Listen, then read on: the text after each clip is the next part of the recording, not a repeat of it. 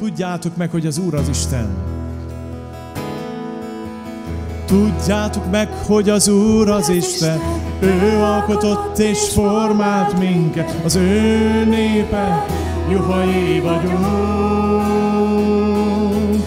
Menjetek be kapuin hálaadásra, tornácaiba dicséretekkel, áldjátok az ő szent nevét. Álljunk fel, tudjátok meg!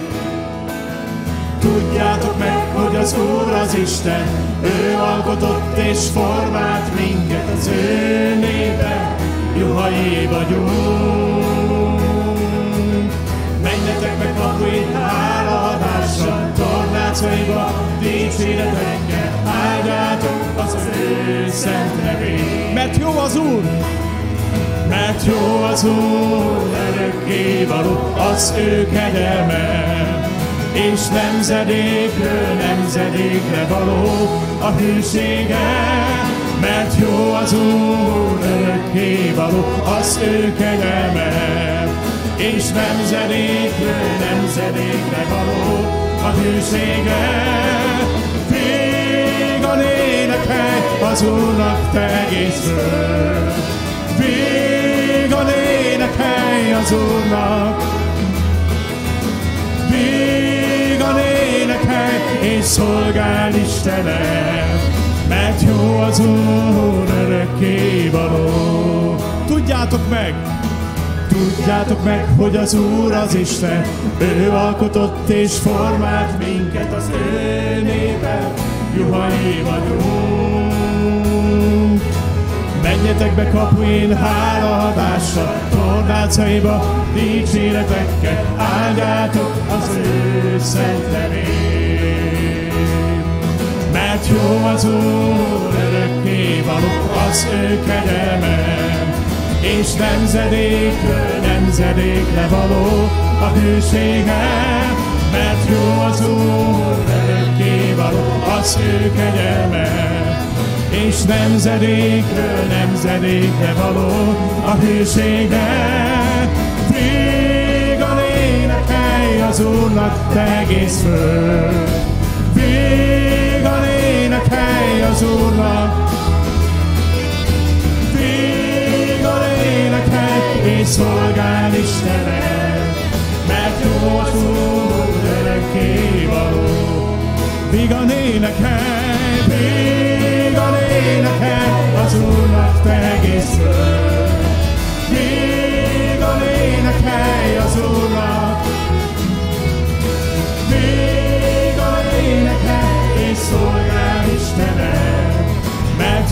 Úr örökké való. Mert.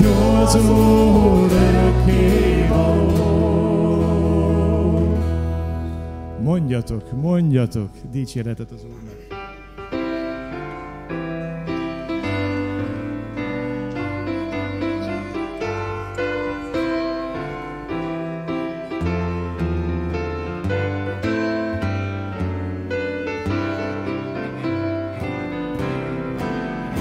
Ó Jézus, te csodálatos, győzelmes, ősedkor és most mindig dicső, nagy és nemes, te benned bízni érdemes.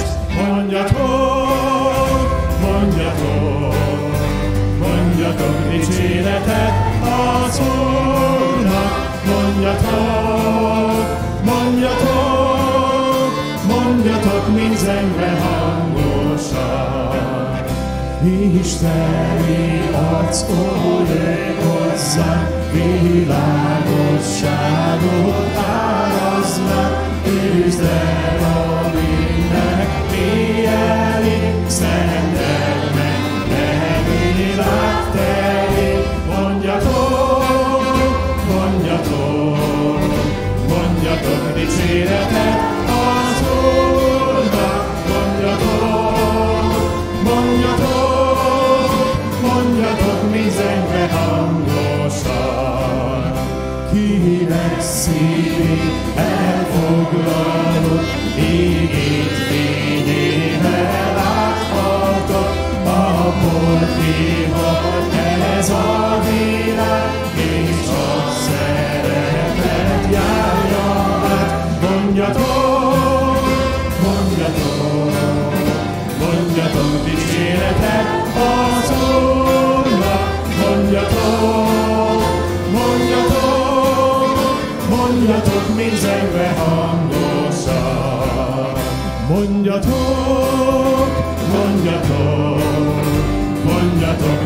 dicséretet az Úrnak, mondjatok, mondjatok, mondjatok mind zengve hangosan. El nem múlik-e szeretet? El nem múlik e szeretet, mert lelked, de te érezted, nem fog soha, ne gyarapú,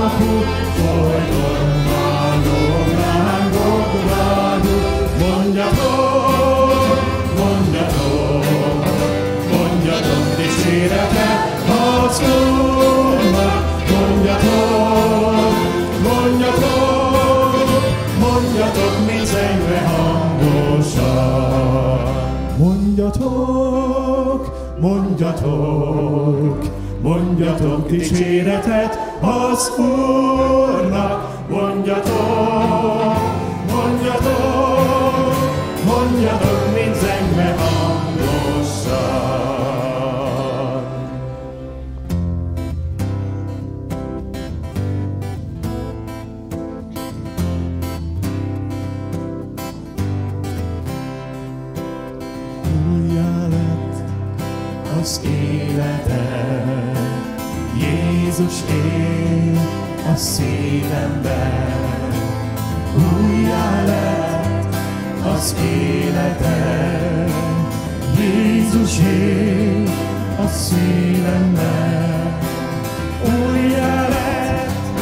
az életem, Jézus él a szívemben. Üdvteni! Mi üdvös tudnom, Jézus enyém, ennek felettéből mentek én. Örökség vár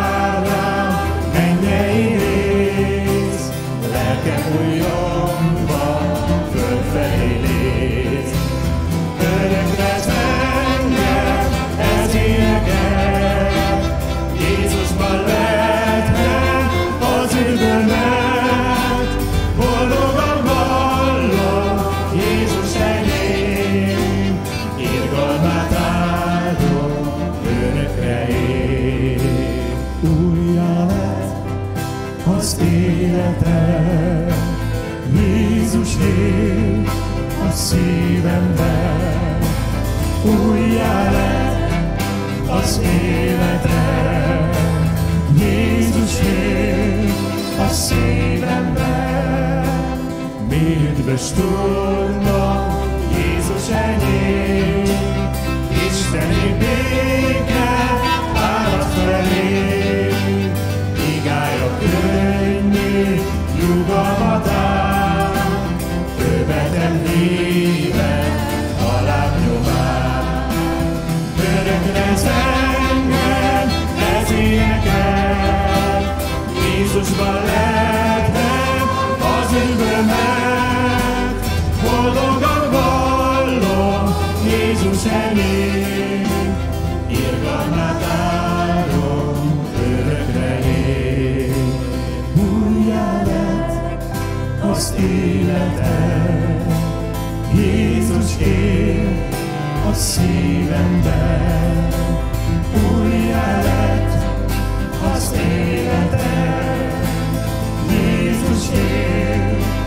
szívemben.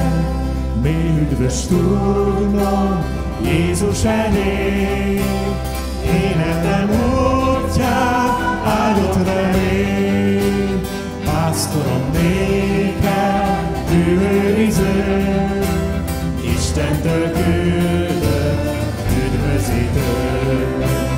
Örök engem, ez ilyeget, Jézusban lehetem az üdvömet,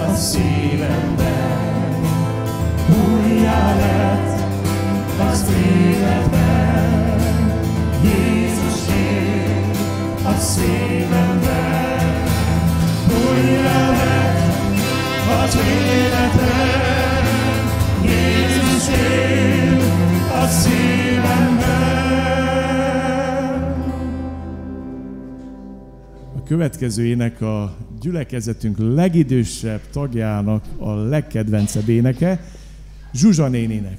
Itt vagy Zsuzsa néni? Halleluja! Itt vagy!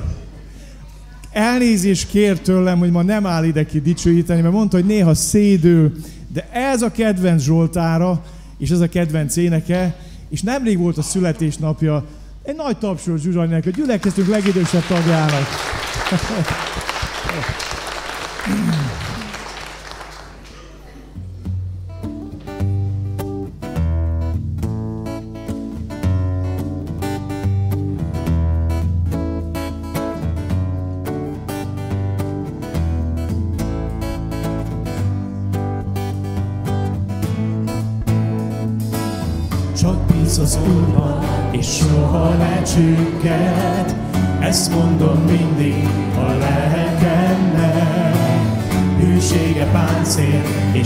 and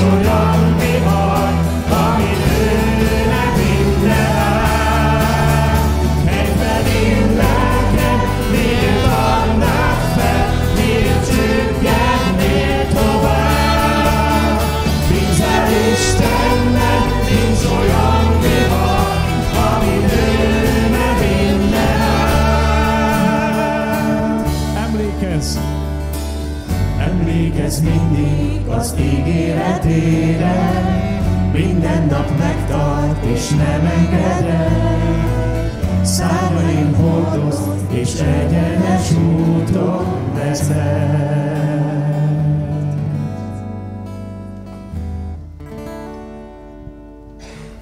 következőnek előtt egy kis bizonyságot megosztok veletek. Kedden bementem a babama körre, hogy áténekeljük ezeket az énekeket, és mondtam, hogy most egy őslég éneket fogunk énekelni. És van egy barátkozó anyuka, aki az Ovingba jár, meg Isten tiszteletre is, és akkor elénekeltük ezt az éneket, mondta, hogy szeretne valamit mondani.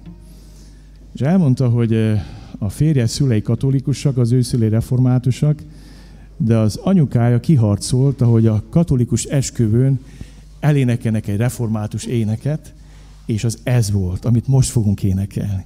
És azt mondta az édesanyja ott a babam körön, hogy még most is nagyon fölkavarja ez az ének, megérinti az ő szívét. Az Úr csodása működik.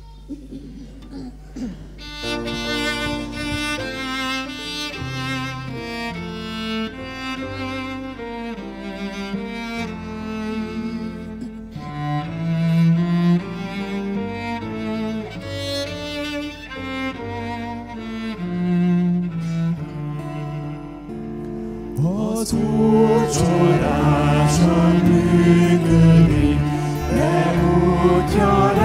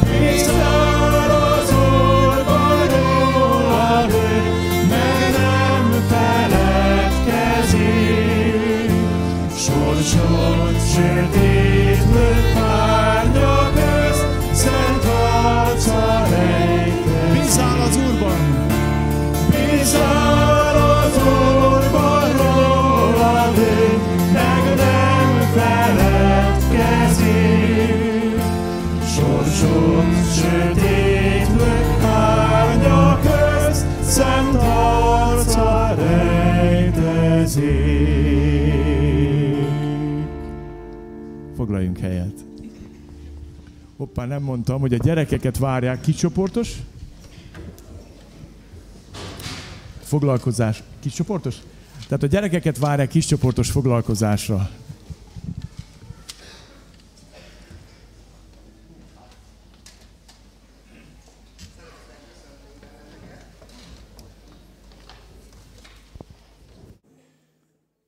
Igen, talán megjött a hang is. Szóval készültem a mai napra. Egy ilyen jó kis nyugdíjas éneklésre készültem. Gondoltam, ülünk a padsorba, az elmúló világról, a jövendőről éneklünk. Ezzel szembe kapkodtam a levegőt.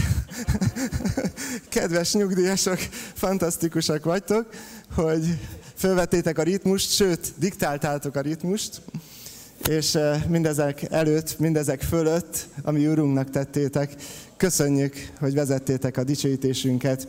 Megfiatalodtam egy kicsit.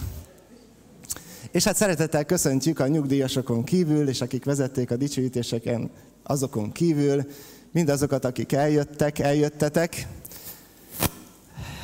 Jó, hogy a gyülekezet nem csak nyugdíjasokból áll, nem csak középkorúakból áll, nem csak fiatalokból áll, hanem összetett Isten népe. És ezt nem mi választjuk meg, ez nagyszerű dolog. Stoldi óta tudjuk, hogy az emberiséget emberöltők alkotják, és én most így szeretnélek benneteket kötni, köszönteni emberöltőnként. Úgyhogy először szeretném köszönteni azokat, akik még nem töltötték be a 30. életévüket, és arra kérlek benneteket, hogy álljatok fel, és köszöntsük ezt a korosztályt, akik a fiatal, ifjúházas korosztály. Álljatok fel bátran, és köszöntsük őket. Hát a következő nagy, nagy léptékekbe húzom meg az emberöltőt, a 30-60 közöttiek, én is ide tartozom. Kérlek, álljatok föl. Köszöntünk titeket is, Isten hozott benneteket. És köszöntjük azokat is, akik a 60 fölötti korosztályhoz tartoznak. Talán megkérhetlek titeket is, hogy felállásotokkal jelezzétek. Egy nagy tapsot kérünk. Köszönöm szépen. A mai nap különösen rólatok is szól. És nem mulaszthatjuk el, hogy ne köszöntsük egy nagy tapsal, aki, akiért itt vagyunk, aki által itt vagyunk, aki a Szent Szellemével ma is munkálkodik közöttünk. Ritkán szoktuk ezt tenni, de köszöntsük Jézus Krisztus egy nagy tapsal. Övé a dicsőség mindezért.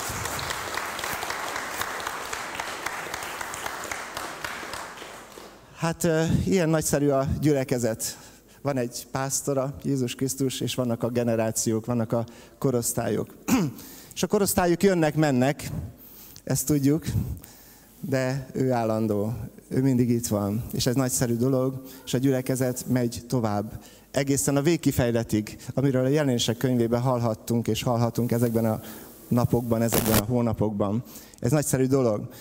De tudjátok, ami földi életünk végén, és ezt nem tudhatjuk, melyik emberöltő ciklusban érkezik el, egyetlen egy kérdés marad nyitott, és ezt az utolsó ítéletnél fogják megválaszolni.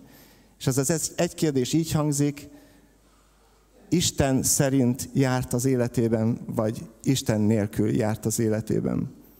Azt tette, amit helyesnek lát az Úr, vagy nem azt tette, amit helyesnek lát az Úr. Ha királyok könyvét elolvassátok, a legtöbb király életét így jellemzi az ige. De mindjárt az elején megjegyzi, mikor elkezd egy király életéről beszélni, így kezdődik. Azt tette, amit helyesnek lát az Úr. Vagy sajnos sokszor így kezdődik, nem azt tette, amit helyesnek lát az Úr. És ehhez a hiten és a kegyelmen kívül a bölcsességre van szükség, a megtapasztalásokra van szükség, a tudományra van szükség, amely az Isten beszéde, mert a bölcsességnek kezdete az Úrnak félelme. Szeretném, hogyha ma délelőtt tanulnánk erről a bölcsességről. Hogyan élhetjük úgy az életünket, hogy a végén ez az egy mondat hangozzon el, azt tette, amit helyesnek lát az Úr. És majd rendkívül vasárnap van, már ezt mondtam sok szempontból, abból a szempontból is, hogy az igét Révész László, testvérem, barátom hirdeti. Laci, kérlek, hogy taníts bennünket erről, hogyan lehetünk Isten szerint bölcsek, hogyan élhetjük meg a hívő életünket úgy, hogy a végén ez a mondat hangozzon el az életünk fölött. Azt tette, amit helyesnek lát az Úr.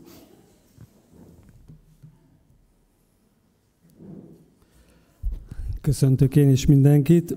Hát ez a nap is eljött, hogy az öregek korosztályába lettem főkérve. De ez nem baj, csak mert van benne némi igazság. Ugye ez az az időszak, amikor már gyakran elhangzik dicséretként az, hogy remekül nézel ki. Tőlem múltkor megkérdezte valaki, hogy hány éves vagy? Hát mondom, 57. Hát ahhoz képes jól nézek. Úgyhogy ahhoz képest jól nézek ki. Szeretném, hogyha kivetítenénk a alapképet, és akkor abból ki fog derülni, hogy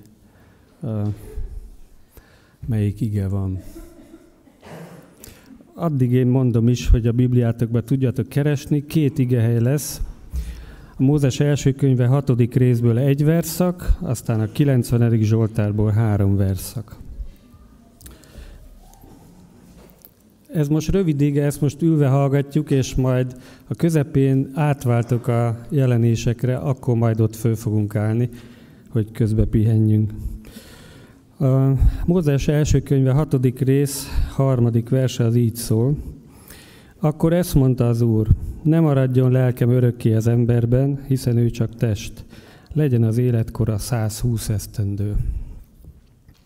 Zsoltárok könyve 90. rész 12, 10-től 12-ig, életünk ideje 70 esztendő, vagy ha több, 80 esztendő, és nagyobb részük hiába való fáradtság. Olyan gyorsan eltűnik, mintha repülnénk. Ki tudja, milyen erős haragod és milyen félelmetes felháborodásod. Taníts úgy számlálni napjainkat, hogy bölcs szívhez jussunk. A, először az évekről szeretnék pár mondatot mondani. Tudjuk, hogy a Biblia elején borzasztó hosszú időket éltek meg az emberek. A leghosszabb életű az Matuzsálem volt, 969 éves korban halt meg. És a többiekről is azért hasonló éveket lehet olvasni. Az, amit most felolvastam az előbb, ez az első igevers, ez a özönvíz előtt már Noé életében hangzik el az Úrtól, hogy lefokozom az ember életét 120 évre. És megdöbbentem, mert ahogy tovább lapoztam a Bibliába, még Noé is 950 évet élt. Aztán az utána jövő generációk még mindig ilyen sok száz éves időket éltek meg. És nem, nem igazán értettem, hogy hogy lehet az, hogy az Úr kimondja, hogy 120 évre lefokozom, és közben mégis 950 évig éltet embereket. Van, aki ugye próbál racionális lenni, és azt mondja, hogy hát az nem az igazi éveket jelenti, mint ma, hanem valami naptári, így úgy rövidebb, csak fél éveket jelent, meg nem tudom mi. Én nem szerettem nagyon ezt így túl magyarázni, bár nem értek annyira hozzá. Én úgy tartom, hogy Istennek van hatalma, hogy akár abban az időben hosszabb életű embereket engedjen. És annak is oka van, azt mondja, hogy azért fokozza le 120 évre, mert elhatalmasodott a bűn a Földön. Mint hogyha az életkor rövidülése, meg a, az Úr döntése között lenne, a, meg a bűn között lenne összefüggés. És uh, most szeretnék egy pár uh, nevet mondani, már Noét mondtam, Ábrahám apját úgy hívták, hogy Táré, ő 205 évet élt. Ez azért már jóval kevesebb. Mint hogyha egy idő után kezdene életbe lépni az, amit Isten kijelentett. Aztán Ábrahám 175 évet élt. Ez még mindig elég hosszú idő, de ez is kevesebb, mint az apjái. Két-három generációval később Jákob 130 évet élt, és ő panaszkodik is erre.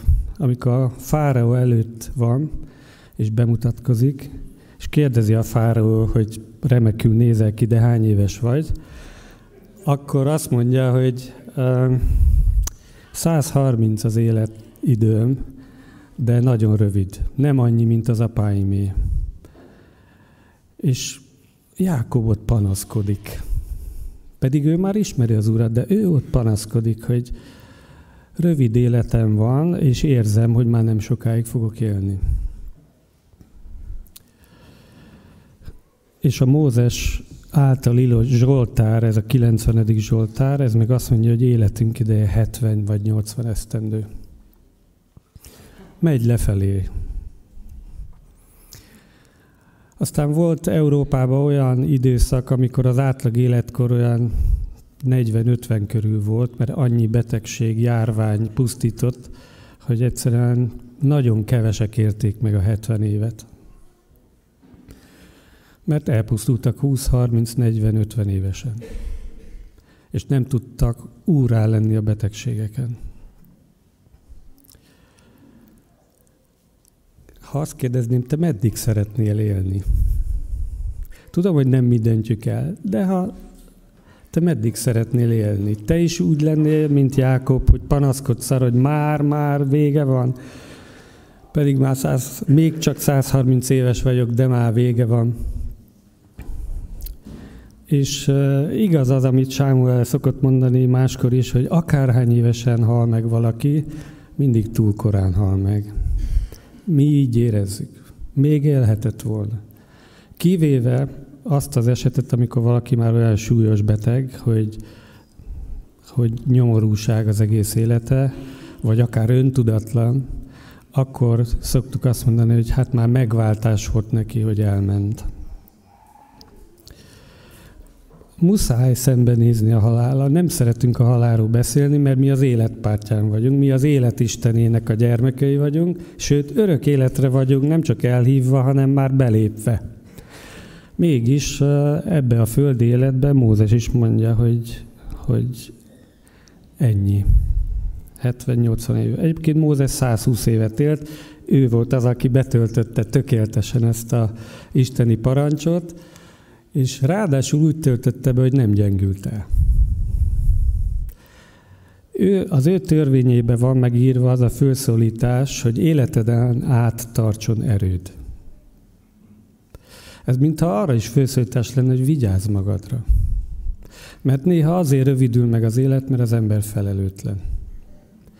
Aki alkoholizmusra, drogra, vagy olyan rendszertelen életmódra adja magát, ami pusztítja a szervezetet, az szinte törvényszerű, hogy hamarabb fog elmenni.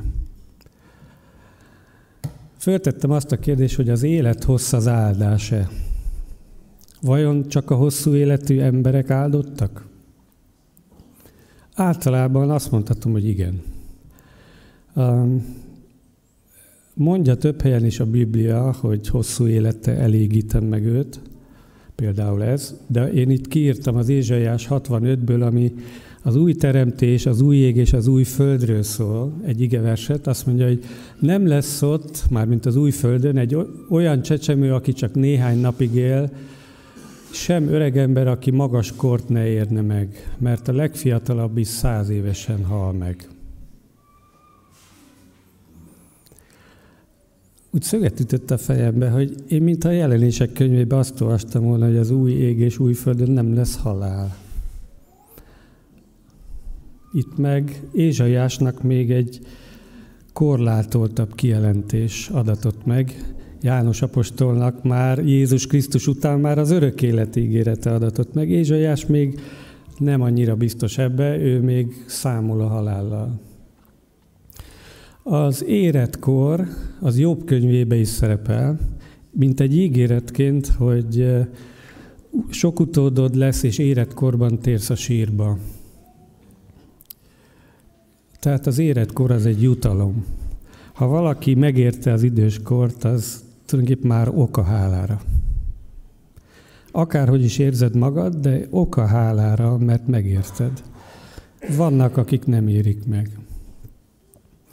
Aztán Ábrahámról azon megírva, hogy az élettel betelve halt meg. Na ez a legszebb, amikor valaki nem csak megöregszik, hanem közben ragyog. Mert az élettel betelt. Gondolkoztam, hogy miért telt be az élettel Ábrahám. Um, hát egyrészt a hosszú élet, másrészt győzelmes élete volt, um, gazdag volt. Még a csatáit is, néha voltak csatái is, nem sok, de ott emlékeztek az öt királyjal hadakozott, azokat is megnyerte. Aztán uh, igaz, hogy volt egy nagy hiány, hogy nem volt időbe gyerekük, de egy idő után hitáltal ezt is megkapta. Uh, kész volt még azt az egyet is odaadni, ebben van valami isteni vonás, de visszakapta az Úrtól, és valóban igaz lett az, hogy az utódai azok elszaporodtak.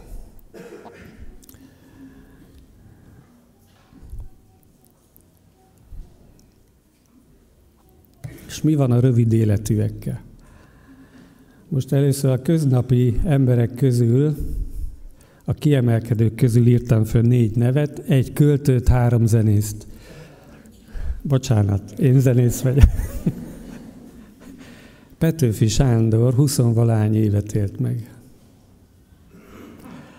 Mozart 30 valahányat, Chopin 30 valahányat, Mendelssohn kb. 40-et. Nem mondhatjuk, hogy ők nem voltak áldottak. Lehet, hogy a mi értelmezésünk szerint nem biztos, hogy újjá voltak születve, de nem mondhatjuk, hogy nem voltak áldottak.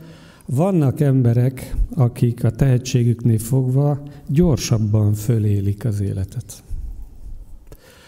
Ezek az emberek 20-30 év alatt annyit adtak, mint más 60-70 év alatt. És ez fölőrölte őket. De persze van egy másik ok is, hogy azért némelyikükről tudjuk, hogy szerette a kicsapongó életet. A kicsapongó élet az megrövidít, még akkor is, ha áldott vagyok. Hát a legnagyobb példa a Bibliában az Úr Jézus Krisztus, aki 33 évet élt, és a legáldottabb volt, aki valaha élt a Földön. Tudjuk, hogy ő azért nem szimpla ember volt, hanem Isten fia, de emberfia is volt. És az ő apostolai, akik közül talán János az egyetlen kivétel, akik 30-40 éves korukban elmentek. És áldottak voltak? Igen.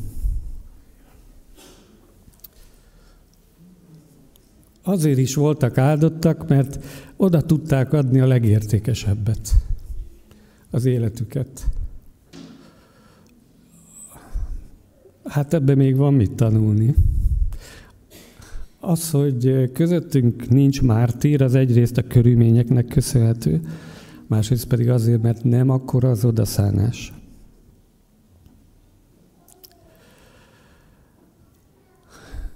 Én nem vágyom a mártírságra egy cseppet se, azért ezt bevallom nektek, de uh, voltak, akik már eljutottak oda, hogy szívesen lettek mártírok az Úr Jézusért. És azért tudták ezt megtenni, mert nem csak a földi életükre néztek. Nem azt nézték, hogy hány éves vagyok, milyen gazdag vagyok, mekkora a családom, hanem arra, hogy van egy eljövendő élet. És ha őszinte vagyok, az Ábrahámról is a zsidókhoz itt levél azt írja, hogy nem a mostanira nézett, hanem az eljövendő Jeruzsálemre. Ebbe viszont tudjuk követni őket, hogy ne csak a földi életet nézzük, hanem az eljövendő életet. Visszatérve a rövid életűekre, hogy ezek ilyen, én így neveztem, hogy tömörített életek, sűrűbben éltek, mint mi.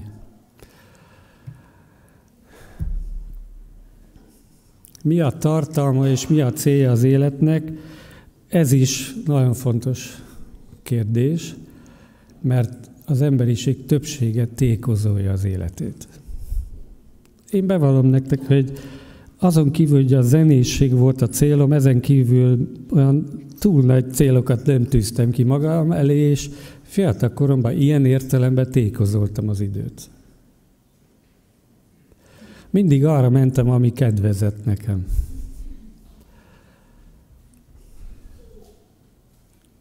Növendékeimet néha megkérdezem, hogy mondd már meg, mi akarsz lenni. Hát,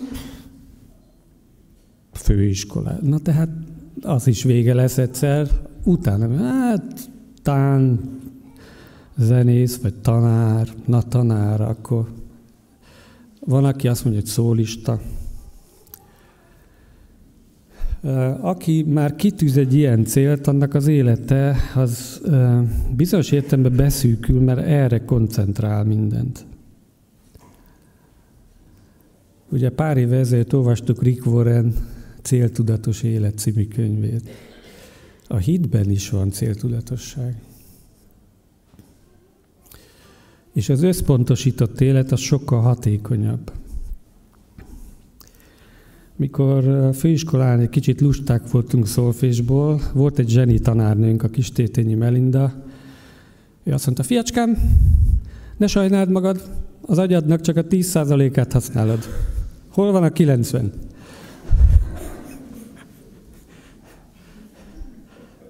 Ő tényleg többet használt, neki több volt valahogy egy adaggal, de minket is erre próbált serkenteni, hogy hogy használd, amit van, ne, ne hogy Összpontosított élet. Akár a köznapi terveidben, a köznapiakat rövid távú céloknak hívom, a örök életet pedig a hosszú távú tervnek. Tehát jó az, ha van rövid távú cél, de jó az is, ha van ennél hosszabb távú cél is. És a hosszabb távú meg fogja néha változtatni a rövid távút. Én nem állnék itt prédikálni, ha csak a rövid távúra figyelnék, mert sose akartam prédikátor lenni, ezt már mondtam nektek. Bizonyos értelemben nem is vagyok, az bizonyos értelemben meg vagyok. Szóval a módosításokat az Isten végzi bennünk. Néha még azokét is, vagy talán mindig, nem tudom, akik tékozolják az életüket. Mert a tékozló fiúról az van megírva, hogy egyszer csak magába szállt.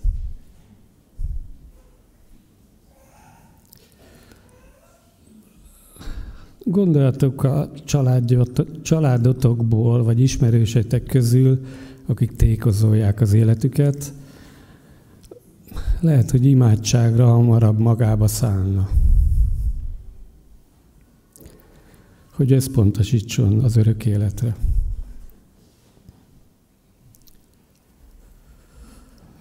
Aztán az is kérdés, hogy mivel töltjük ki a szabadidőt. Én nem állítom, hogy nem szabad lazítani, de a lazítás is illeszkedjen ebbe a hosszú távú célba, mert az Úr Jézusnak is voltak pihenőidei, és az apostoloknak is adott pihenőidőket, anélkül nem is tudnának az emberek jól dolgozni, de hát én kapom magam néha azon, hogy ott felejtem magam a tévé előtt, vagy a számítógép előtt, és több óra elmegy fölöslegesen. És utána visszagondolok, hogy mit is láttam, szinte semmire nem emlékszem, csak eltelt az idő. Ezeket lehetne egy kicsit okosabbá tenni, hogy még lazítás is lehet valahogy céltudatosabb. Aztán mi az igazán maradandó benne? Most a maradandót nem a örökkévaló értelemben, hanem a földi értelemben ér, értem. A legszebb maradandó értéket, ha vannak gyerekeid. És nem csak azért, mert a földi életedet tovább viszik, hanem azért, mert ha ők megtérnek, ők örökké megmaradnak.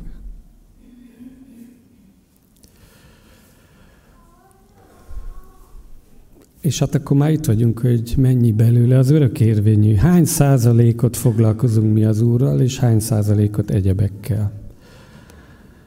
Ránk is lehet, hogy igaz az, amit Mózes mond, hogy nagyobb részük hiába való.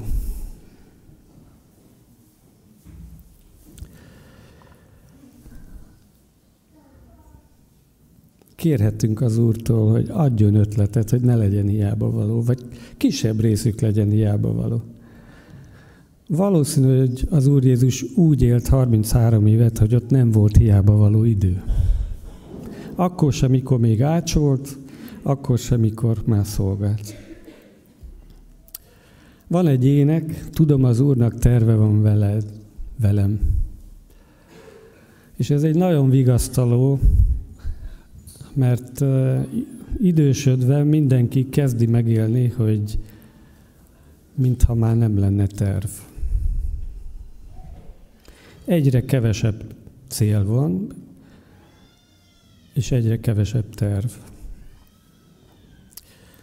De Isten nem mondja, hogy az idősekkel nincs terve. Gondoljatok mondjuk a már említett Mózesre, hogy 120 évesen is elég hasznos volt. Vagy gondoljatok, királyok könyvébe volt öreg próféta, és hasznos volt. Te is lehetsz hasznos, akárhány éves vagy, és akármilyen betegségben vagy. Nem beszélve a fiatalabbakról, akikre még az energia több lehetőséget ad.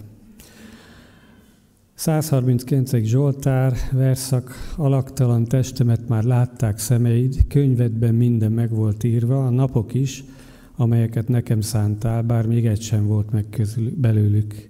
Mi drágák nekem szándékaid, Istenem. Mikor fiatal koromban először hallottam misszionárisoktól azt, hogy Istennek terve van veled, akkor úgy elnézően mosolyogtam, hogy hát szép ez a szlogen, de hát végig is én döntöm el, hogy mit csinálok. Mert el voltam bizakodva, hogy hát én döntöm el.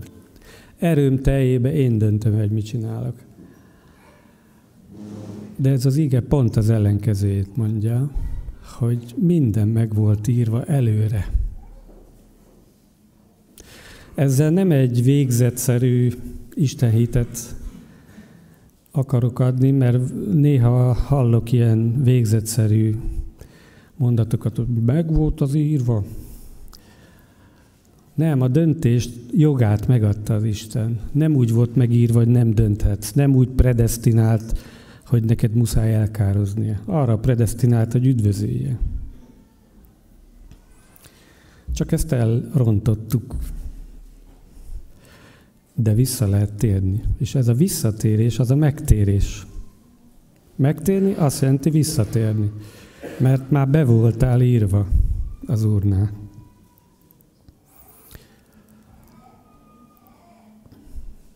Jobb-e az ember idős korában, mint fiatal? Hú, lehet jobb, de én néha úgy érzem, hogy fiatalon, mikor megtértem, akkor buzgóbb voltam, lelkesebb, bátrabb. És hogy telik az idő, egy kicsit óvatosabb vagyok, kevésbé lelkes, stb. És mégis lehet jobb, ha az Úrral maradok. Attól is jobb az idős, hogy megfontoltabb és tapasztaltabb. Ugye átéltünk már egyet mást, elestünk már párszor, fölálltunk már párszor az elesésből, és ezért nem megyünk bele ugyanabba az utcába. Még egy tapasztalatlan belemegy. Néha látok motorosokat a belvárosba így 70-80-nal szágúdozni, és úgy eszembe jut, hogy ha itt egy váratlan biciklis keresztbe megy, akkor kész. Mert nem hiszi el, az ereje teljében nem hiszi el, hogy jobb itt lassan menni.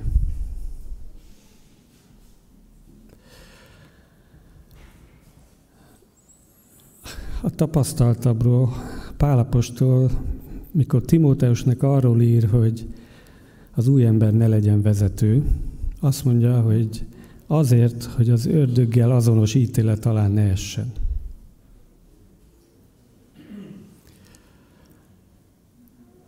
Mi volt az ördög ítélete, vagy problémája? A felfúvalkodás.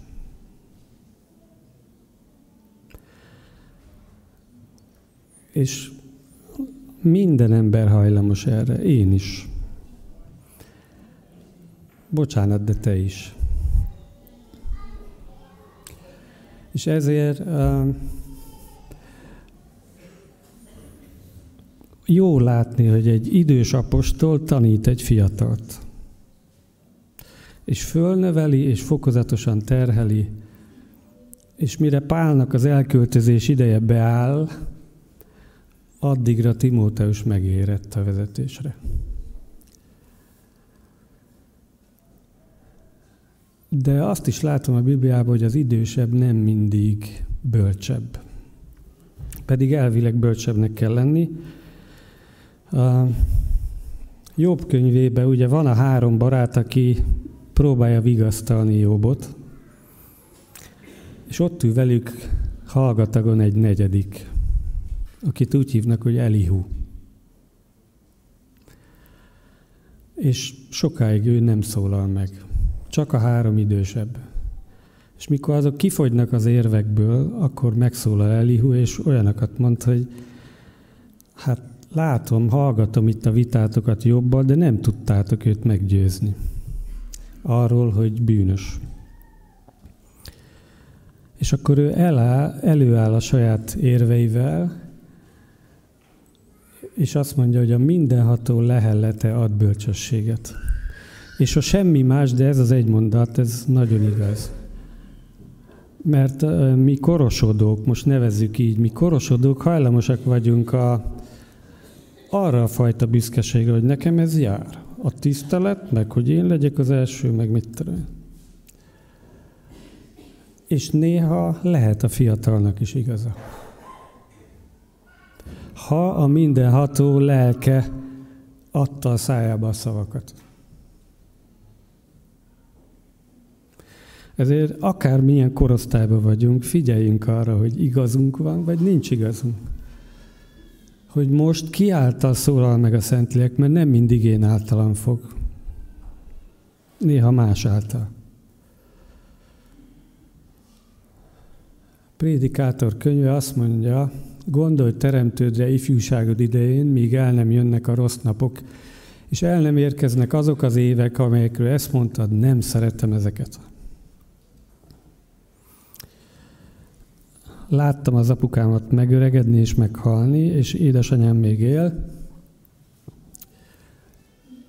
és nektek is bizonyára élnek az idősödő szüleitek.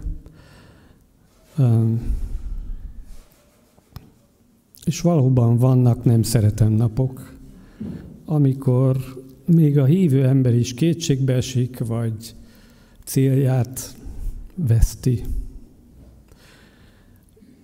És olyankor jó elmondani, hogy tudom, hogy az Úrnak terve van.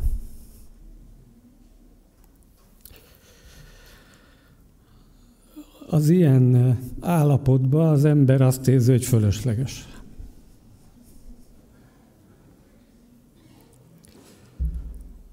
Mert már nem olyan aktív, nem olyan erős,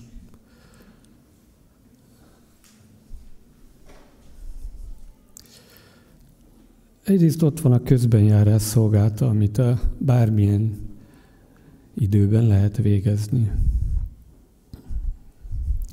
És azok, akik aktívak, munkahelyen vannak, iskolában vannak, nem biztos, hogy ráérnek imádkozni. És a ti imáitok menti meg őket. Ez az összefoglás még nem a prédikáció vége, csak azért szólok, mert még lesz a jelenésekből is egy kicsi.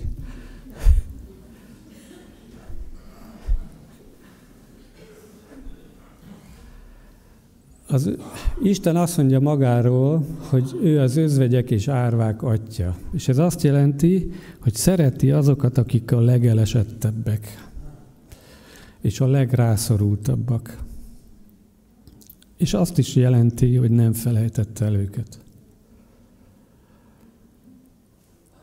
A másik gondolat, hogy az idős embernek alapból kiár a tisztelet.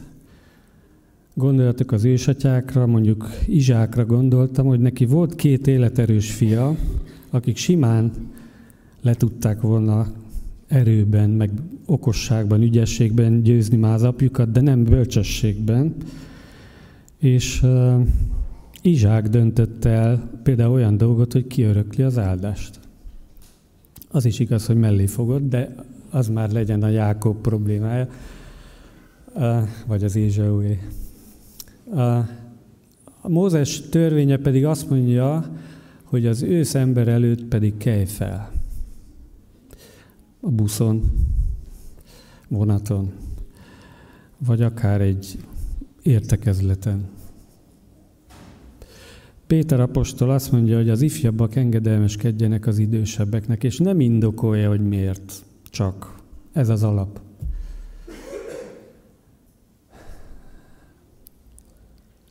Aztán beszéltem arról, hogy áldás a hosszú élet, de nem automatikusan, hanem Isten félelmében.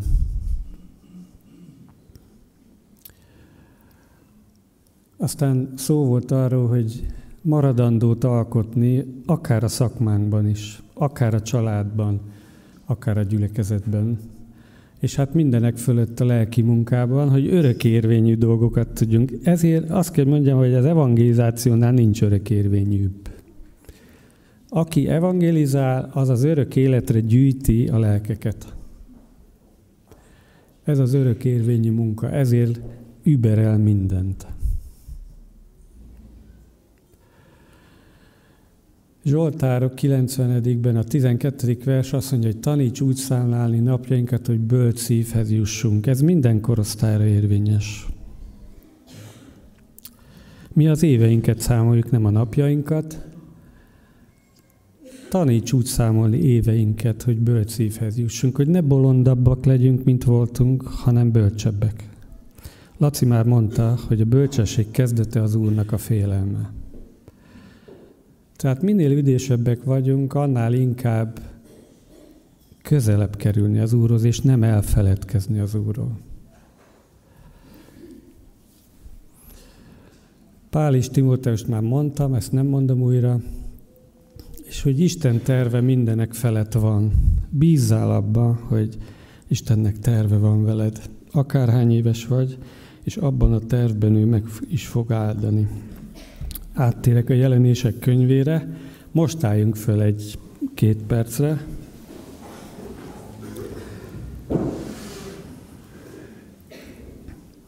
Jelenések 20. rész 11-től 15-ig.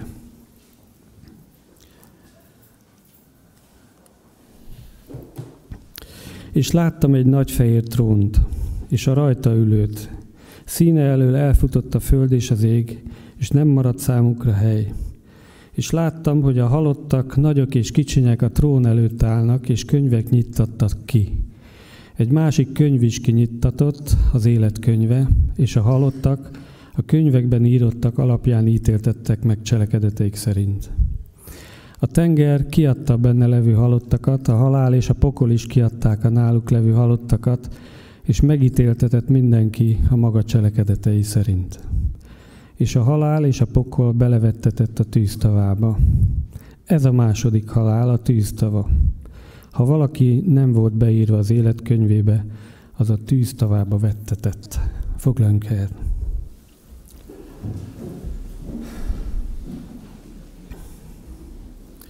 A múlt héten az ezer éves uralom és a góg és magóg lázadása és annak a leverése végleges leverése volt a téma, és hogy a sátán és az ő angyalai azok vettettek a tűz tavába. És már most itt az elején leszögezem, hogy a tűztava az elvileg nem az embereknek készült, hanem, hanem az ördögnek és az angyalainak. Ennek ellenére ez az ige azt mondja, hogy oda fognak emberi lelkek is kerülni. Azok, akik nincsenek beírva az életkönyvébe. A másik, amit fontos megjegyezni, hogy mindenki föl fog támadni, az ateista is. És a hívő természetesen. És hogy lesz ítélet. Ez megint csak ugyanazt a gondolatot erősíti, hogy felelősséggel élni az életet, és nem csak a kívánságaink szerint könnyelműen.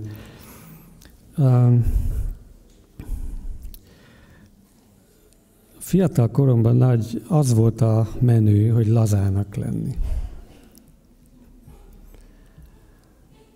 És lehet, hogy néha ma is az a menő, hogy lazának lenni. De laza élette nem jutsz messzire. Felszabadultnak szabad lenni. Örömtelinek szabad lenni. Szabadnak szabad lenni. De lazának arra azért kell vigyázni, mert akkor szétesel. Egyszer mondta nekem valaki, hogy képzelje egy szerkentyűt, ami össze van csavarozva, és akkor te kilazítod a csavarokat. Az a szerkentyű előbb-utóbb szét fog esni. Én egyszer két hete arra vetemettem, hogy zongorajavítóként a saját zongorámat javítottam. Sose csináltam még ilyet, de most igen. Kivettem a belsét, mert leragadtak pianino betegség, leragadnak a hangok, és bosszantott, hogy tíz éve leragadnak, és nem volt arra időm meg kedvem, hogy megint elhívjak egy szerelőt, és 50 ezer vagy 100 ezer forintért annyit csinál, hogy megreszelgeti a kalapácsokat, vagy a tengelyt. Én nem tudom a tengelyt kivenni, az béna vagyok, de a kalapácsok tövébe találtam kis csavarokat. és azok a billentyűk, amik leragadtak, ott szépen kilazítottam a csavarokat. Na most azóta működik a zongora, viszont írtóra csörök.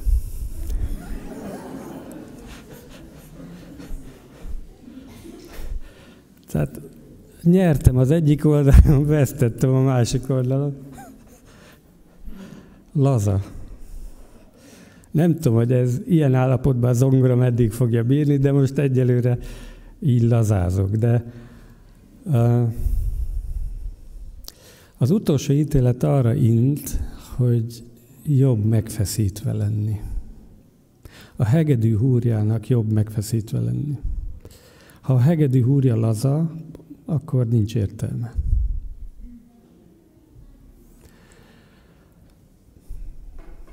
akkor most ezt a párhuzamot ráhúzom az Úr Jézusra, aki megfeszítetett.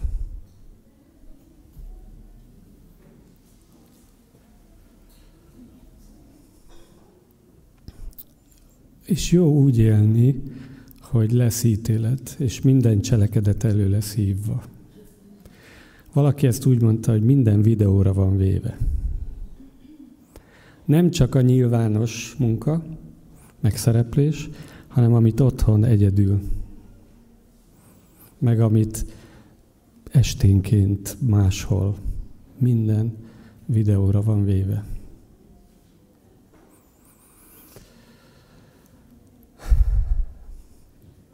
Ez az ige azzal indít, hogy van egy trón, amin ül valaki.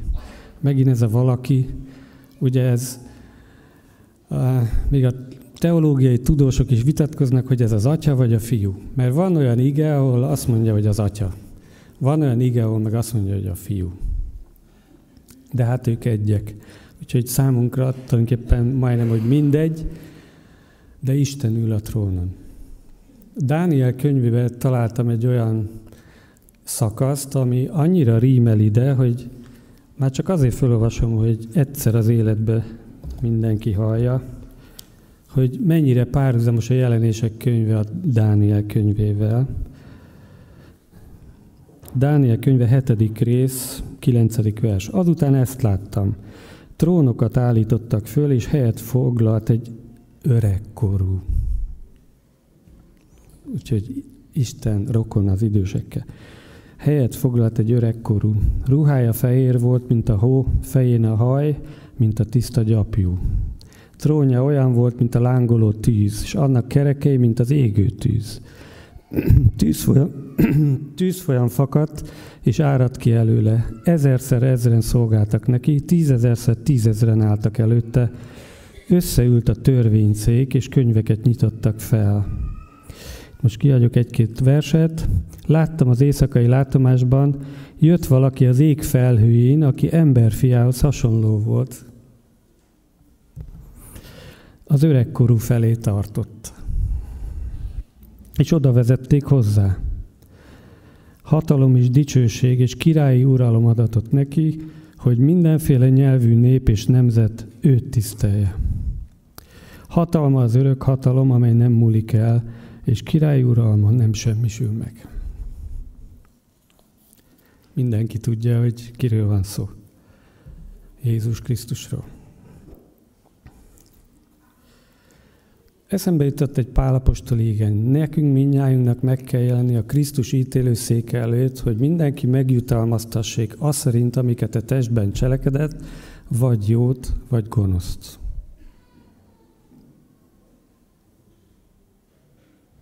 Még Krisztus előtt is lesz ilyen. Van, aki azt mondja, hogy ez előbb van, előbb van a Krisztus ítélőszéke, és amiről ma olvastunk, az pedig az utolsó. Miért van előbb a Krisztusé? Mert a hívők már elragadtatnak addigra. De még ő előtte is elő, elő lesz hívva a videó. Aztán hallottam olyat, aki azt mondta, hogy Krisztus trónja előtt csak jutalom van. Hajlanék erre, mert ugye a kegyelem az ezt diktálja, hogy ő elvitte a bűneink büntetését. De ott van az is, hogy vagy jót, vagy gonoszt.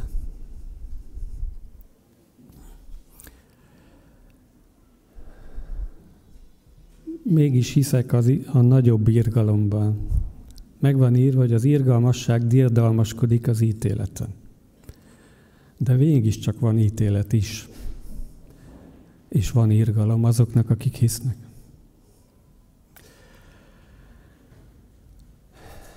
A halottak ott állnak a trón előtt, mindenki.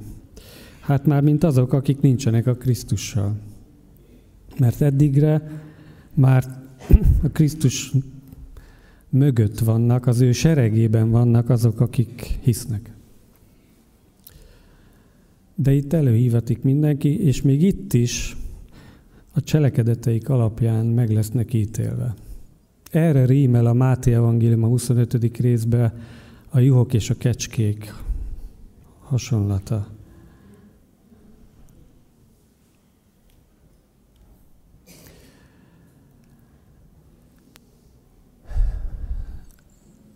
Én nem tudok nektek, nem vagyok ahhoz elég agymen, hogy sorrendbe rakjam az összes dolgot. Azt a könyvet, amiben ez benne van, azt meg nem találtam meg, úgyhogy nem állítom sorba különféle ítéleteket. Én csak azt mondom, hogy úgy éljünk, hogy számon leszünk kérve. De azt is tudja mindenki, hogy azért néha hibázik ez a dolog. Nem mindig úgy élünk, hogy jutalom járna érte. Na ekkor jön elő az a kegyelmi ige, most még érvényes kegyelmi ige, hogyha megvalljuk a bűneinket, ő hű és igaz, és megbocsátja bűneinket, és megtisztít minden hamisságtól. És az a döbbenetes ebbe az igébe, hogy a, meg, a bűnvallás közösséget teremt. Amíg nem valljuk meg a bűneinket, addig nincs közösség a másikkal.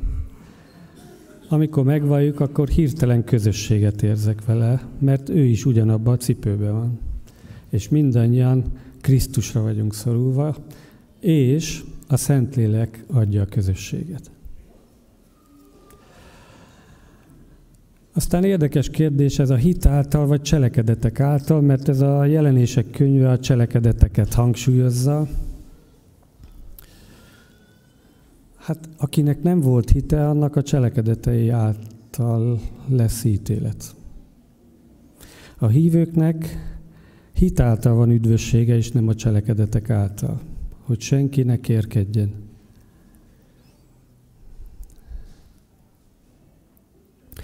Volt két apostol, Pál meg Jakab, és a leveleik néha úgy tűnik, hogy mint a ellent mondanának. Pál mindig azt mondja, hogy hitáltal, hitáltal, és nem cselekedetekből. Jakab meg azt mondja, hogy a hit cselekedetek nélkül halott. Erre mondta azt a hasonlatot a Cseri Kálmán, odaírtam a zárójelbe, hogy a cselekedetek um, nem kájha, hanem hőmérő a hívő számára. Vagyis nem szerez üdvösséget, de bizonyítja, hogy hívő vagy-e.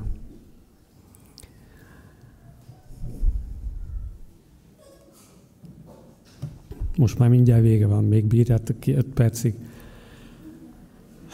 Krisztus áldozatáról mondja a zsidókhoz írt levél, ha elbírom olvasni, amint elrendeltetett, hogy az emberek egyszer meghalljanak, azután pedig az ítélet következik, úgy Krisztus is egyszer áldoztatott fel, hogy sokak bűnét elvegye. Itt a kegyelem. Van ítélet, de van kegyelem. Ézsaiás 53.5 pedig a mi vétkeink miatt kapott sebeket, bűneink miatt törték össze. Ő bűnhődött, hogy nekünk békességünk legyen, az ő sebei árán gyógyultunk meg. Ez, ez a evangélium ebbe az egyébként borzasztó komoly igébe, hogy Krisztus által meg lehet menekülni a tűztavából, úgy, hogy az élet könyvébe be legyen írva a nevünk. A többi könyv az nem nekünk való. Nekünk az élet könyve való. Ez az utolsó kocka, Krisztus, mint királyt elképzelni, azt mi nem tudjuk, de ez a mai ige azzal indult, hogy ő előtte eltűnt a föld és az ég. El tudjátok képzelni azt az erőt, amitől eltűnik a föld és az ég? Az nagyobb, mint az atombomba. Neki volt egy olyan időszaka a világ teremtése előtt, amikor az atyánál volt. Volt 33 éve a Földön megváltóként, és aztán királyként uralkodik. Ahogy a Zsoltár mondja, hogy ülj az én jobb kezem felől, még ellenségeidet zsámolyul vetem a lábaid alá. Ez a Krisztusnak adott ígéret. És itt összekötöm az utolsó mondatokba az idősek napját, meg a meg a jelenéseket, hogy taníts úgy számlálni napjainkat, hogy bölcs szívhez jussunk, isteni értelemben. A bölcsesség kezdete pedig az Úrnak a félelme. És hogy a gyakorlatban ez mit jelent? Az, hogy minél többször vegyük föl a lelki fegyverzetet, és köztük az üdvösség sisakját és a lélek kardját, ami az Isten beszéde, és akkor ő megőriz minket az üdvösségre. Ezt kívánom mindenkinek. Amen. Hálásak vagyunk az üzenetért, és imádságra buzdítalak benneteket. Ha végig gondolunk az életünkön, bizony sok hiába valóság volt benne, meglepett és nagy üzenet volt számomra Mózes önvallomása, hogy azt mondja, hogy visszatekint az életére, Laci idézte, és azt mondja, hogy annak nagy része. Hát igen, mert a 120 évből 40 volt a palotában, 40 a pusztában, és a vége csak a, a, jó csak a végére maradt, amikor az Isten népével együtt örvendezett és vezette az Isten népét az utolsó 40 évben. Én nem tudom, hogy vagy ma itt. Talán csorba esett ezen az életcikluson. Tegnap kést köszörültem, és az egyik késbe belekapott a köszörű, és tudjátok, olyan nehéz volt simává tenni. Hosszan el kellett húzni a köszörűvel, hogy az a belekapott kis rovátka eltűnjön.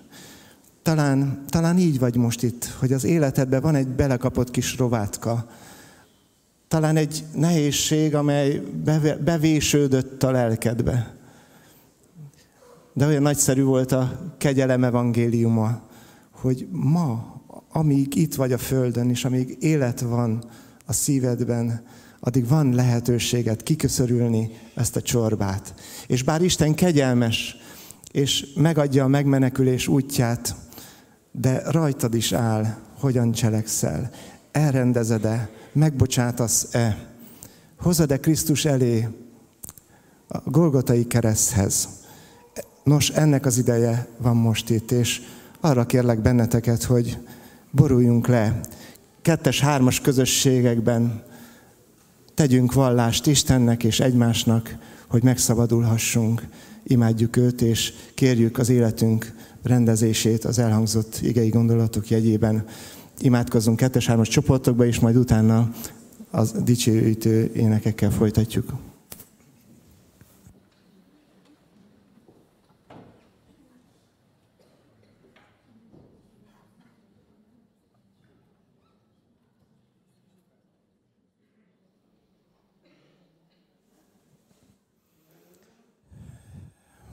Köszönjük, Szent Szellem, hogy emlékeztetsz bennünket, hogy van ítélet, amikor meg kell állni előtted. De köszönjük, hogy arra is emlékeztetsz, hogy volt egy hely a világtörténelemben, a Golgotai kereszt, amely megoldást ad a mi dilemmánkra. Úr Jézus, szeretnénk neked hódolni, téged magasztalni, eléd letenni összes terhünket, összes csorbánkat, összes bűnünket. Kérlek, segíts nekünk ebben, hogy a te dicsőségedet tudjuk élni, nem hiába való módon az életünk hátralevő szakaszán. Köszönjük, hogy ilyen nagy szeretettel vagy hozzánk, és magasztalunk téged, Jézus, hogy ilyen nagy kegyelemmel gondolsz ránk, hogy mindig adsz új esélyt, amelyben magasztalhatunk álthatunk téged. Köszönjük neked ezt a lehetőséget. Maradjatok még így lehajtott fejjel, arra kérlek benneteket, és az a gondolaton a szívemben, hogy aki szeretne ilyen fogadalmat tenni, hogy az életen levő, hátralevő részét nem hiába való módon szeretné tenni, azt arra kérem, hogy Isten előtt lehajtott fejjel emelje fel a kezét. Jelezze ezt a mindenható Isten felé. Köszönöm, és Úr Jézus, magasztalunk téged ezekért a kezekért. Magasztalunk téged, hogy rád mutathattunk ezzel, hogy feléd nyújthattuk, hogy megkapaszkodhatunk, amikor felemeltük a kezünket, belét kapaszkodhattunk. Magunktól képtelenek vagyunk a jóra, de mindig adsz rá lehetőséget, hogy az előre elkészített jó cselekedetekben járjunk. És ez nem a mi érdemünk, ez is téged magasztal. Arra kérlek, Úr Jézus, hogy akik jelezték, vagy akik csak szívükben döntötték el, Uram, add meg ezt az áldást az életükbe, hogy együtt tegyünk bizonyságot a Te dicsőségedre mindenről. Amen. Amen. Ma, most pedig énekkel magasztaljuk Istent, az ének után pedig bizonyságtételeket fogunk meghallgatni, Marika nénét és Piroskát, és azt követően, akinek van a szívében bizonyságtétel, vagy akár a mostani döntésedről szeretnél bizonyságot tenni, lesz erre lehetőség.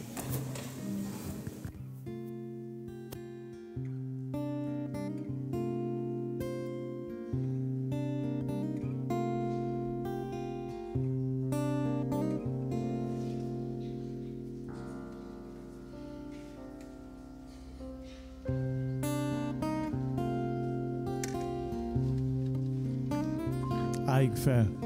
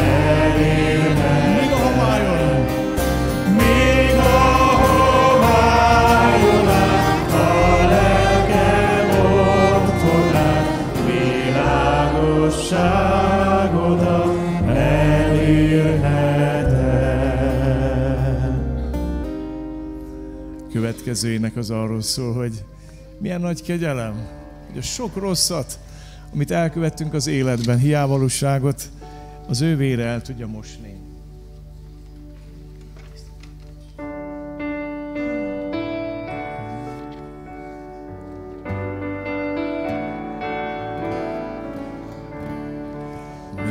Tisztít meg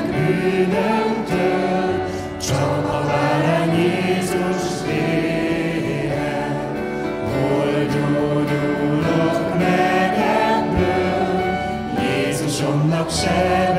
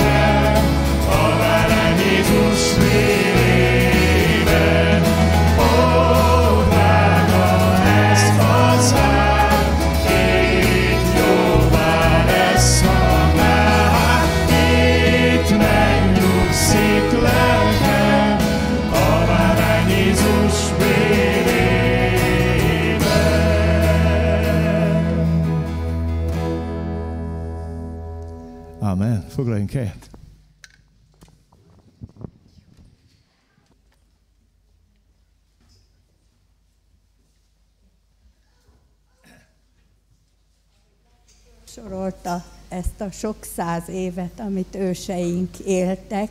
Eszembe jutott, hogy amikor kicsik voltak az unokáim, az egyik legkisebb, mikor a halálról, halálról volt szó, akkor azt mondta, hogy mama, hát az Ótestamentumban is milyen sokat éltek, egy 500, egy 500 évet azért te is megérdemelnél. Annyira őszinték a gyerekek, és annyira, annyira nem fölösleges velük beszélgetni bizonyos dolgokról. Tudom, hogy nyugdíjas délelőtt van, és idős testvéreinkről van szó. Én még, mégse erről az öreg korról akarok beszélni, ami hát néha szép, néha nem, néha öröm, néha bánat, néha fáj, néha nem, hanem arról, hogy mi vár majd azután ránk, mert hogyha már nem leszünk a Földön. Mert ugye szeptember eleje óta a jelenések könyvét tanulmányozzuk vasárnapról vasárnapra, és nekem nagyon megdöbbentő volt az, amikor nem sokkal a halottak napja előtt az volt, a, az, volt az ige, hogy Ezután egy hangot hallottam a mennyből, ezt mondta nekem, írd le ezt mostantól fogva, boldogok és áldottak, akik az Úrban haltak meg. Igen, mondja a Szent Szellem, most már megpihenhetnek a munkájuk után, amit elvégeztek, az követi őket. És eszembe jutott, és nagyon jó érzés volt rá gondolni, hogy milyen sok szerettem halt meg az Úrban, akiket, akik fönt vannak az Úr Jézussal együtt, és hát az egész életük egy öröm, meg boldogság mert boldogságban vannak ott, és ez nekünk is boldogságot jelent, mert nem arra gondolunk, hogy jaj, szegény már nincs a földön, már, már nagyon elgyászoltuk minden. Sokkal könnyebb elengedni az olyan hozzátartozóinkat, szeretteinket, akik már itt, itt az Úrban éltek, és az Úrban haltak meg. Úgyhogy és ez nekünk is nagy öröm, mert sokkal könnyebb elengedni, elbúcsúzni tőlük, és arra gondolni, hogy találkozunk velük, és együtt fogjuk az Urat dicsérni mindenképpen. Hát én szeretnék az Úrban meghalni, de ezért kell dolgozni. Amíg élünk itt a Földön, addig mindig van feladatunk. Már mondjuk 80 éven fölül, mint ahol én vagyok, Jócskán, már nem olyan túl széles a skála, ahol lehet dolgozni, de az Úr ad ilyenkor is feladatokat, imádkozni, és énekelni. Dolgozzunk. Az az igazság, hogy most az, az lesz a feladatunk, most ebbe pillanatban is, hogy énekeljük, magasztaljuk, dicsérjük az Urat, veletek együtt gyertek, dolgozzunk ezen, akár tudsz énekelni, akár nem, akár milyen hangnemben énekel, szoprán, tenor, basszus, vagy bármi, de ha lelkes vagy, és akarod a Jóistent dicsérni, a mennyei seregekkel, a vénekkel, a, a lelkes állatokkal együtt, avval a hatalmas angyal sereggel, akkor gyere és énekelj velünk lelkesen, mert ma ez a munkánk. Köszönöm.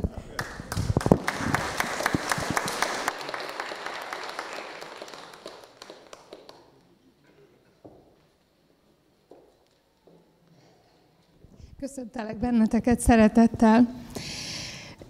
Én, mint az idősödő szépkorú egyik képviselője, elárulok most nektek valamit, szégyellem is egy kicsit magam, mert még a Petőfi városi kiscsoportba jártam, ahol épült a hitem, és a személyiségem is átalakult. Egyszer azt mondta Tihamér, hogy a városházára ról kapott meghívót, és hát képviseljem én az időseket, a nyugdíjasokat. Ez kb. úgy tíz éve volt, és ó, Tihamér, hát én még nem megyek oda, én még, én még tele vagyok energiával, én még nem odavaló vagyok, gondoltam magamba.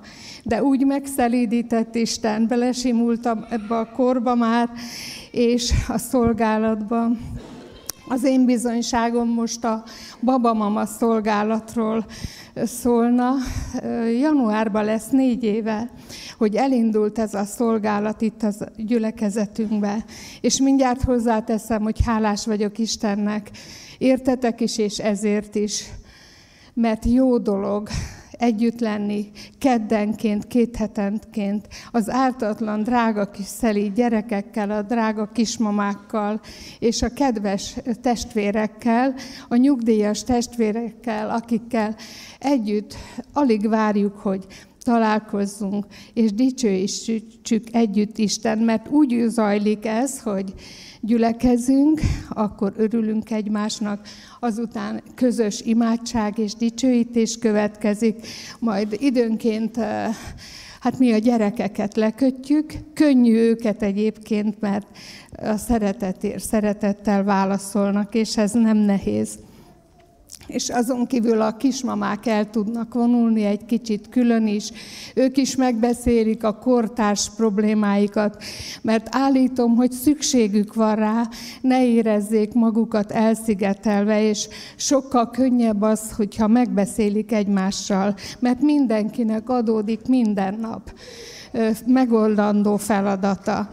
És most érzem csak igazán azt, hogy amit annak idején édesanyámnál láttam, hogy szeretett a családnak szolgálni, szeretett finomat sütni, főzni, és várta, úgy nézett bennünket, hogy mit szólunk hozzá.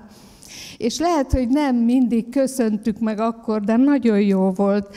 És ahogy így, így élem ezt a szépkorú életet, én is nagyon szívesen sütök, főzök a családomnak, sőt a, a babamamára is a, a, együtt is, és a nyugdíjas csoportba is, amikor csak tudjuk, tudjuk akkor kellemesebbé tesszük azt a találkozást. Hát van még egy másik szolgálat, a kéknevelés sorozatban, ez havonta kerül sorra, és megvallom nektek azt is, hogy bár a pályámat a gyerekek között töltöttem, de mikor felkérést kaptam erre, hogy ebben is szolgáljak, akkor megijedtem egy kicsit, hogy hűha, a ismeretlen gyerekekkel majd hogyan fogok én ott boldogulni. Ez így van, Lajos, megvallom de aztán az első alkalommal nagyon szépen megoldódott, mert jöttek a testvérek, a nyugdíjas testvérek segíteni, és olyan szépen áthidaltuk ezt, és manapság már ezek a gyerekek is ismernek minket, felépült a bizalom. Én azt gondolom, hogy a gyerekekkel való kapcsolatban első a bizalom, érezzék rajtunk, hogy szeretjük őket. És az, azt szeretném még mondani, bátorítanám, a, akik nem érzik magukat még eh, ebbe a helyzetbe, hogy szívesen eh, jönnek szolgálni, örömmel várjuk, mert eh, nem lehet elég nagymama ott, amikor, amikor a kisgyerekek arra várnak, hogy velük foglalkozzunk játszunk velük, imádkozzunk együtt, de vagyunk azért elég sokan már, úgyhogy itt, itt találkozik a tekintetünk azokkal a testvérekkel, akik szoktak jönni. Ma reggel, amikor készültem és megébredtem, akkor a 20. Zsoltárt olvastam. Ezt szeretném veletek megosztani, és megköszönöm a figyelmeteket.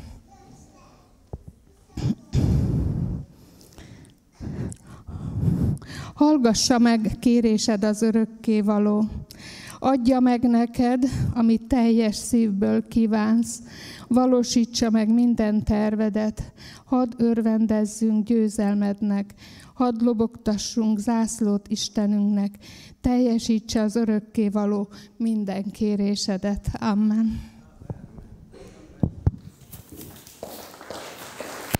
Köszönjük szépen a bizonyságtételeket. Van még lehetőség bizonyságot tenni, esetleg, hogyha valakiben döntés született arról, hogy nem hiába való módon szeretné tölteni a élet hátralevő részét, akkor erről mindjárt átadom akkor a szót. Csak közben még elmondom, hogy egy nagyon kedvenc dalom jutott eszembe a bizonyságtételek kapcsán. Elmúltál 44, de ami még hátra van, lehet még az maga a nyár. Hidd el, a boldogság nem Amerikában van, hanem mindig a szíved előtt áll. És a jelenések könyvében olvassuk, hogy egy van, aki a szívünk előtt áll, ő Jézus Krisztus. Ha befogadod, ha ma döntesz, nem késő, és ott lesz az életed hátralévő részében az, hogy nem hiába való.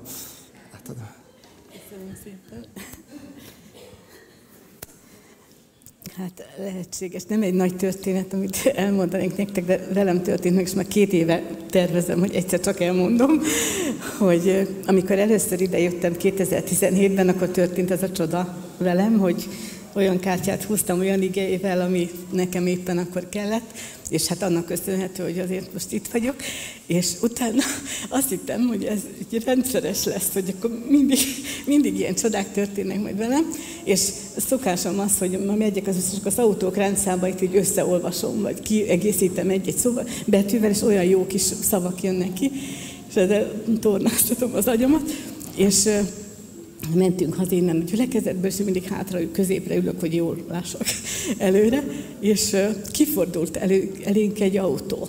És az volt a rendszáma, hogy KOL 521. KOL 521. Mondom, ez a Kolosszi 521, ez biztos nekem szól. És így fősziszentem, és akkor mi a gyerekek, hogy mi van anyu?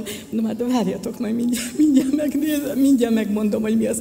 Hát képzeljétek el, hogy a Kolosszi beli levélnek csak négy fejezet ne, ne, nem üzentek nekem semmit, de attól függetlenül így jó éreztem magam, hogy, hogy ez így eszembe jutott, meg hát az, azt is azért megtanultam, hogy leszúrtam a tanulságot, hogy az a segítség nem mindig akkor jön, amikor én gondolom, hanem majd amikor, amikor kell. És csak ennyi volt az egész, de nekem nagyon jól esett, ezt így észrevettem.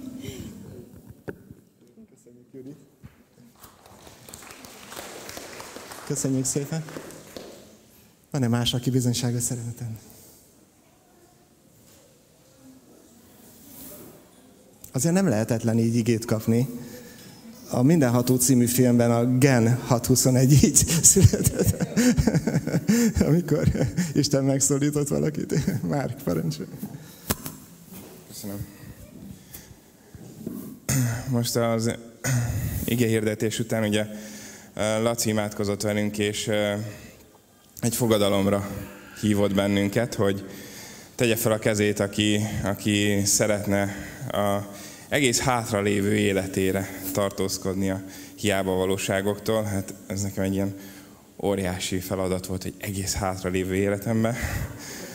Gyors módosítottam a fejembe erre a jövő hétre. és, és otthon, otthon nekünk most a prédikátor könyve. A esti vagy reggeli mikor hogy adja életünk a, a, a reggeli igénk, és azonnal szólt az Úr hozzám. Prédikátor könyve 5. részből. Ha fogadalmat teszel Istennek, ne halogass teljesítését, mert nem telik neki kedve az ostobákban.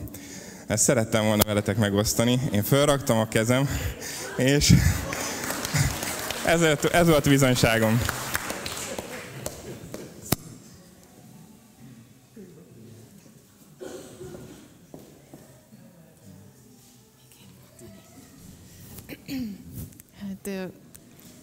Én csak szeretném megköszönni azoknak a kedves nagymamáknak, vagy esetleg még nem is nagymamáknak, csak egy picivel idősebb testvéreknek, akik így el szoktak jönni a babamama körre. Én nem sokszor voltam még, de azt érzem, hogy egy akkora nagy áldás, egy kincs az, hogy ők ott vannak nekünk, főleg olyan embereknek, mint én, akiknek nem hívő a családja, és olyan nagyon nagy szükség van a szívemben, akkora nagy hiánya annak, hogy legyen egy idősebb, tapasztaltabb nő, egy asszony mellettem, aki a hitben megélt életének a tapasztalataiból tud szólni. Tehát csak pusztán az, hogy megnyilvánul, abból érzem azt, hogy igen, ott áll mögötte Jézus, és az egész életében ott volt, és, és ez felmérhetetlen kincs. Úgyhogy én nagyon köszönöm, hogy ott vagytok, és a mai napnak egy külön ajándéka az, hogy leültem a Emma néni mellé, akit eddig nem ismertem, és most már tudom, hogy ő Emma néni, és együtt tudtunk imádkozni, és azt érzem, hogy Isten így nagyon odafigyel erre, hogy ugye azt mondja az ige, hogy aki elhagyja értem apját, anyját, stb., az kap száz annyit, meg kap helyette testvéreket, szülőket. Tehát ez nekem olyan nagyszerű érzés, hogy itt a gyülekezetben megkapom azt, hogy kiegészül a családom, sőt olyan hatalmas nagy lett, amire nem is számítottam. Úgyhogy köszönöm ezt Istennek. Köszönjük, Timi, Isten áldjon meg. És uh, Zolit még meghallgatjuk, utolsóként is röviden, jó? jó.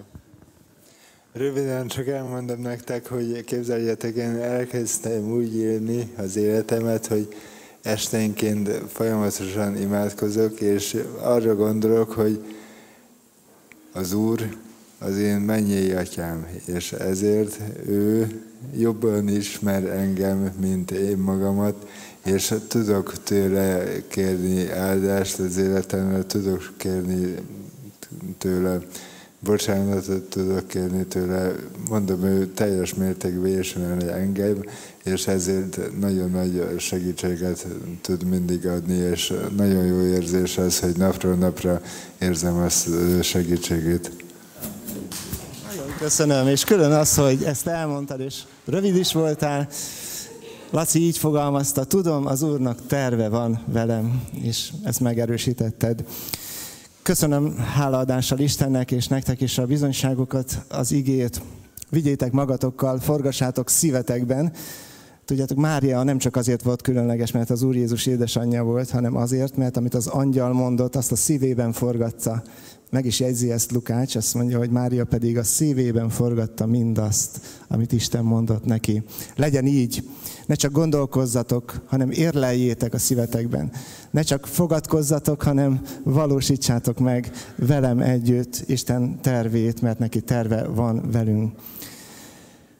Most a hirdetéseket szeretném elmondani, és azt követően pedig nagy szeretettel várják lent a nyugdíjas testvéreket egy ebédre, majd a, a, az alkalom után kb. negyed órával úgy gondolom, hogy 11 körül talán vége lesz az alkalomnak, tehát 4 12, fél 12 körül fogják hozni az evédet.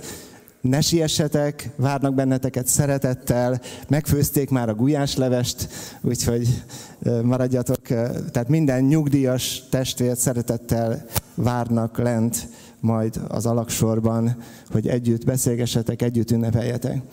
Heti programjaink kicsit mások, mint amit eddig voltak, bár a hétfő este és a keddeste az meg lesz tartva szokásos módon. Azonban pénteken és szombaton a barátkozók Biblia órája most kivételesen elmarad. Ennek pedig az az oka, hogy péntek este 6 órától életrendezési hétvége lesz itt a gyülekezetben, amelyben nagyon sokan érintettek, és ezen természetesen tudják az érintettek, akikről szó van, hogy kiket érint ez. Tehát péntek este 6 órától és szombaton egész nap fog majd ez az életrendezési hétvége tartani, de a szombat esti ifjúsági az változatlanul meg lesz tartva. A barátkozók Biblia órája pedig péntekhez egy hétre lesz majd folytatásában megtartva. Következő dián néhány közelgő egyedi alkalmat szeretnék elétek tárni. Mához egy hétre advent első vasárnapja lesz. Hát bizony, már itt tartunk az évben, ugye? Hamar elment ez az év, hamar elrepült. Szóval advent. Persze adventre nem csak most kell gondolni, de ezekben az időszakokban, amikor a karácsonyban emlékezünk az Úr Jézus születésére, talán intenzívebben gondolunk az ő visszajövetelére is. Ezen a vasárnapon úrvacsora is lesz, így készüljetek, hogy megújítjuk a szövetséget a mindenható Istennel, az Úr Jézus Krisztus által. December 15-én egy különleges lehetőségünk lesz. Az Örömhír Alapítvány vezetője, Ficsor Donát lesz itt közöttünk. Nekik van egy nagyon erőteljes programjuk, amely a teremtés vagy evolúció témával foglalkozik, és majd meghallgatjuk, majd meghalljuk tőlük, hogy mit is takar ez a program, mit is rejt ez a program. Úgyhogy ez az Isten tisztelt keretében lesz ez a beszámoló, ez a felvezetés. Tehát december 15-én vendégünk lesz Ficsor Donát, és e megadott témáról fog bennünket tájékoztatni milyen projektek indultak az Örömhír Alapítványban ebben a témában amit már korábban is volt hirdetve, december 22-én karácsonyi koncert lesz. Készüljetek erre is imádkozó szívvel. Itt nem csak a ünnepi alkalomra kell gondolni, hanem egyben ez evangelizációs alkalom is, azért is, mert az óvodai szülők is ezen részt vesznek, mert a gyermekeik is itt lesznek közöttünk az ünnepen. Imádkozzunk ezért az alkalomért, hogy Isten érintse meg a szíveket, és adja vissza az ünnep igazi értelmét. Csomagosztó evangelizáció is lesz decemberben. Ezügyben a Vojkov és Gyöngyi arra kért, hogy hirdessem, hogy lehet csomagokat készíteni, és Tündénél és Gyöngyinél is jelenkezni ez ügyben, és azt is kérik, hogy ne csak csomagokat készítsetek, hanem ha van a szívetekben, szívetekben gondolatotokban név, akit meg szeretnétek ajándékozni, vagy szeretnétek, hogy a gyülekezet ezáltal program által megajándékozza, és egyben evangéliumot is vigyen feléjük, akkor ezt a nevet is jelezzétek. Tehát mind az ajándék fontos, mind az ajándékozott személye. Ennyi volt a hirdetés, nem tudom, van-e valaki másnak. Ha valaki messziről jött, vagy először van itt külön, köszöntjük és kérjük, vigyétek magatokkal a gyülekezet köszöntését, üdvözletét. Ha pedig nincsen ilyen, akkor egy dicsőítő blokkal bezárjuk a mai együttlétet, ez alatt megtartjuk a gyűjtésünket. Az adokozás senkire nézve nem kötelező, aki örömmel teszi, tegyétek meg, és a dicsőítő blokkot pedig áldás imával zárjuk majd.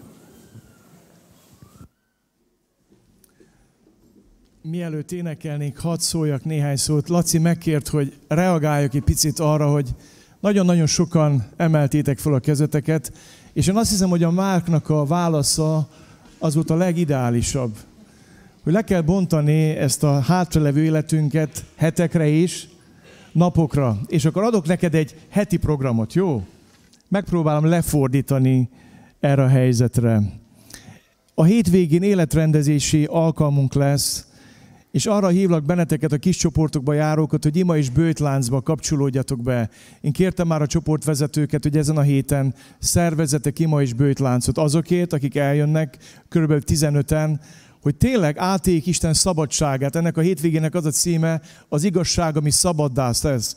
És szeretnénk átélni azt, hogy Isten igéje, az ő világossága beragyog az emberek szívébe, és szabaddá teszi őket.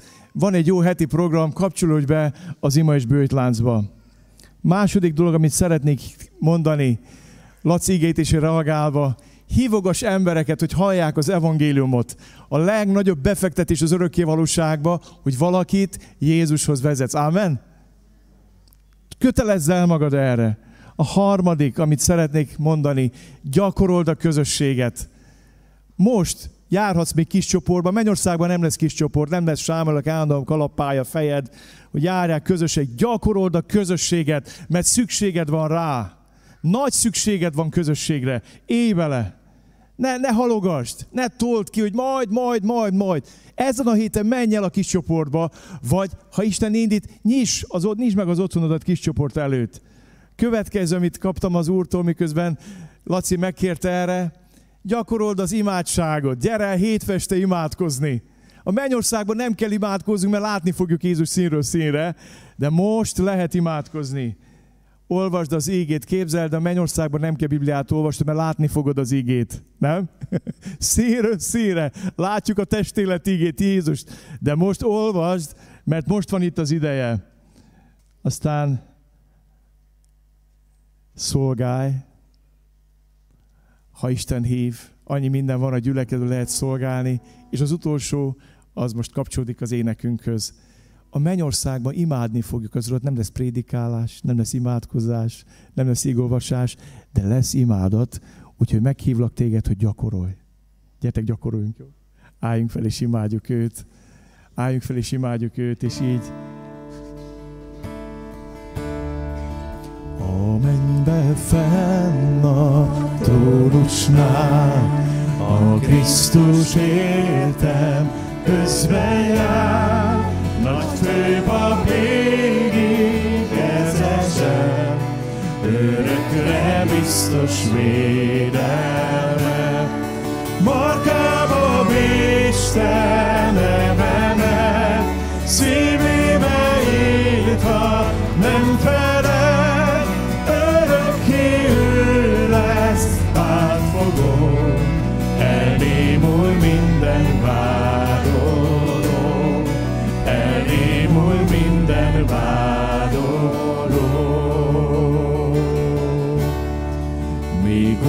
a sátán megkísért, és vádol meg bár bűnökért, Jézusra nézett.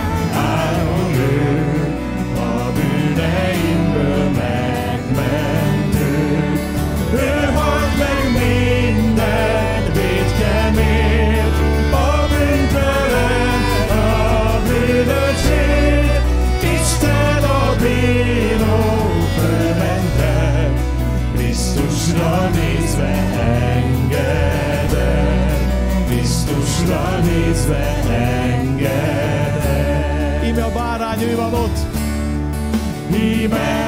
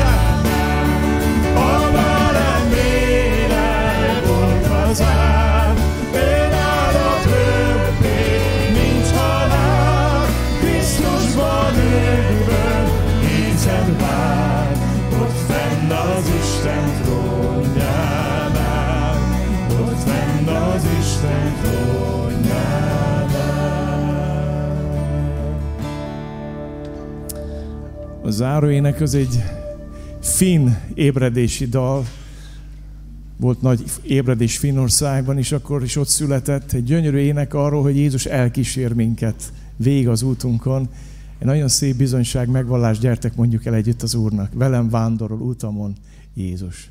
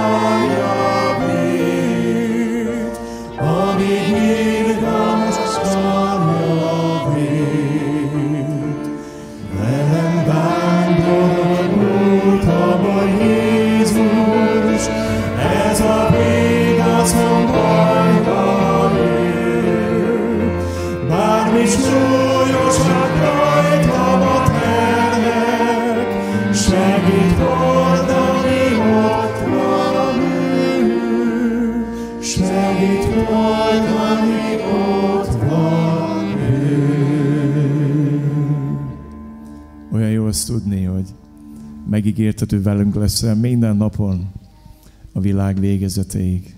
Egészségben, betegségben, kudarcokban, győzelemben, ifjúkorban, időskorban. Jössz velünk.